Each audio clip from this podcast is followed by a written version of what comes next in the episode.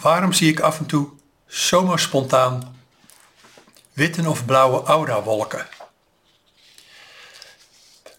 Zoals je weet heeft iedereen een aura. Iedereen heeft zijn gewone aardse stoffelijk lichaam en zijn geestelijk lichaam. En zijn aura. En aangezien iedereen een aura heeft, is het eigenlijk niet zo raar dat je zomaar spontaan ineens witte mist kan zien of mist wat een kleurtje heeft, blauw, groen of blauw en groen of blauw en geel of wat, wat voor kleur dan ook of wat voor kleur samenstelling. Omdat een andere persoon ook een aura heeft, kan hij ergens mee bezig zijn. Die kan misschien over jou zitten na te denken. Misschien heb je diegene iets verteld, misschien heb je samen iets uh, gedeeld, beleefd, het zij privé of op het werk. Dat doet er natuurlijk niet toe. Maar de persoon is, is uh, met jou bezig. Die zit over jou na te denken. Maar aangezien gedachten en gevoelens, emoties, krachten zijn, in werkelijkheid krachten zijn, kan het zomaar zijn dat jij van die andermans uh, persoon zijn aura dat jij dat opvangt, ontvangt. Dus dat er een soort energiegolven, uh, licht flitsen, maar in feite energie, aura licht, dat dat in jouw uh, ruimte te, te, te zien is. En soms zelfs ook natuurlijk te voelen. Een persoon is met jou bezig en zonder dat hij daar natuurlijk bij stilstaat, en misschien maar beter ook, komt die energie, die gedachtenstroom, die gevoelens, denk maar aan een lichtbundel of een wolk van licht, dat maakt natuurlijk niet uit. Dat komt dan naar jou toe. In werkelijkheid naar jouw aura toe. En het kan zomaar zijn, als jij ontvankelijk bent, gevoelig bent, dat jij ineens om jou heen een gloed ziet, uh, een kleur ziet, beetje transparant zoals glas of misschien als sigarettenrook. Of een wat grotere wolk of een streep of een ster. Het kan in allerlei vormen in feite zijn, maar ik noem het maar een gedachtewolk. Denk maar aan mist. Gewoon een wolk met een bepaalde kleur erin.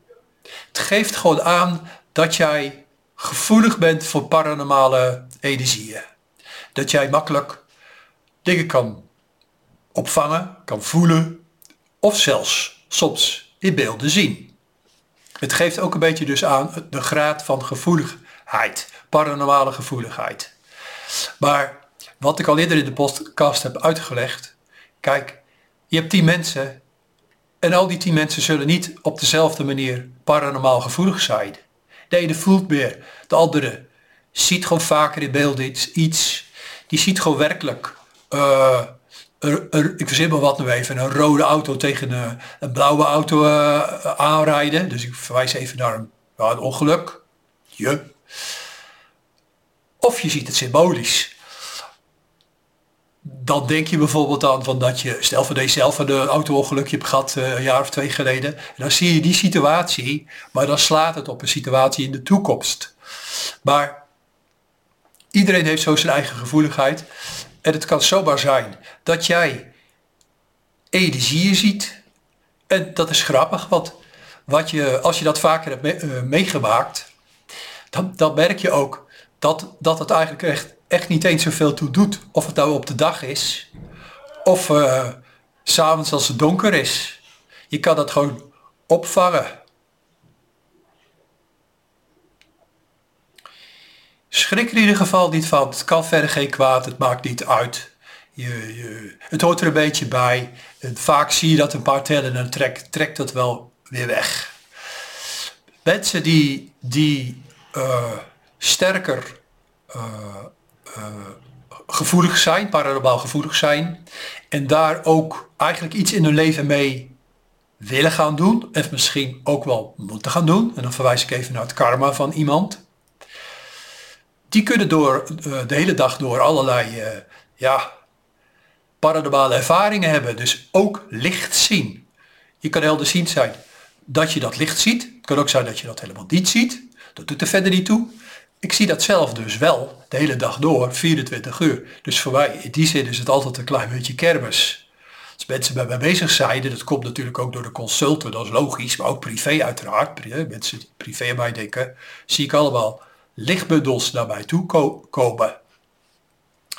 Wanneer je daar iets uh, je verder in ontwikkelt, het voor open staat, en misschien is het ook leuk om eens te kijken uh, op de spirituele academie Ron Malenstein, waar ik geloof ik in de, een onderdeel 3, module 3, of 2 kan het ook zijn, ik weet eigenlijk niet meer precies, dag toch 3, uitleg door middel van ja, een stuk of 15 video's hoe je daar je verder in kan ontwikkelen. Maar ja, dan moet je maar even kijken of je, of je dat interessant vindt. Het is sowieso boeiende materie. Maar ik zie dat de hele dag. En het kan ook zomaar zijn, en dat geldt overigens voor iedereen. Het kan ook zomaar zijn dat je ineens dus die mist ziet, die gloed ziet, die kleuren ziet. En dat je daarin zomaar spontaan een gezicht ziet. En het gekke is, je kan zo, je kan daar in, dat, uh, in die energie kan je gezicht zien van bijvoorbeeld, uh, ja, iemand van je werk, een familielid of je partner. Maar net zo makkelijk iemand van, uh, ja, van de andere zijde, die andere energiewereld. Ja, wat we dan geen zijde noemen. Of het hiernamaals, of het leven naar de dood, of hoe je het wil noemen. Dat doet er natuurlijk niet toe. Je kan ontvankelijk zijn, zowel voor deze zijde, en dan verwijs ik naar de aarde, of naar gene zijde. Nogmaals, schrik daar niet van, hoort er een beetje bij. Kan echt geen kwaad. Maar het zet je wel aan het denken. Het is wel leuk om dat een paar keer uh, eens mee te maken. En als je dat tot nu toe nog nooit hebt beleefd, kan het zomaar zijn dat je dat vandaag of uh, de volgende week ineens spontaan wel gaat zien. Het valt mij gewoon op. Met, uh, zeker ook met de cursisten. als ik een paranormale ontwikkelingscursus geef of een, eens een keer een lezing of een themaavond. Dat mensen daar, als ze daar een paar weken of een paar maanden mee bezig zijn, ze toch door de concentratie erop, door ermee bezig te zijn, dat ze daar ook gewoon gevoeliger worden, ontvankelijker. En dat ze ook gewoon sterker uh, ja, ontvankelijker worden voor, voor, voor al die energieën. En dat is best wel grappig om te zien. En natuurlijk mensen vinden dat natuurlijk ook heel erg leuk.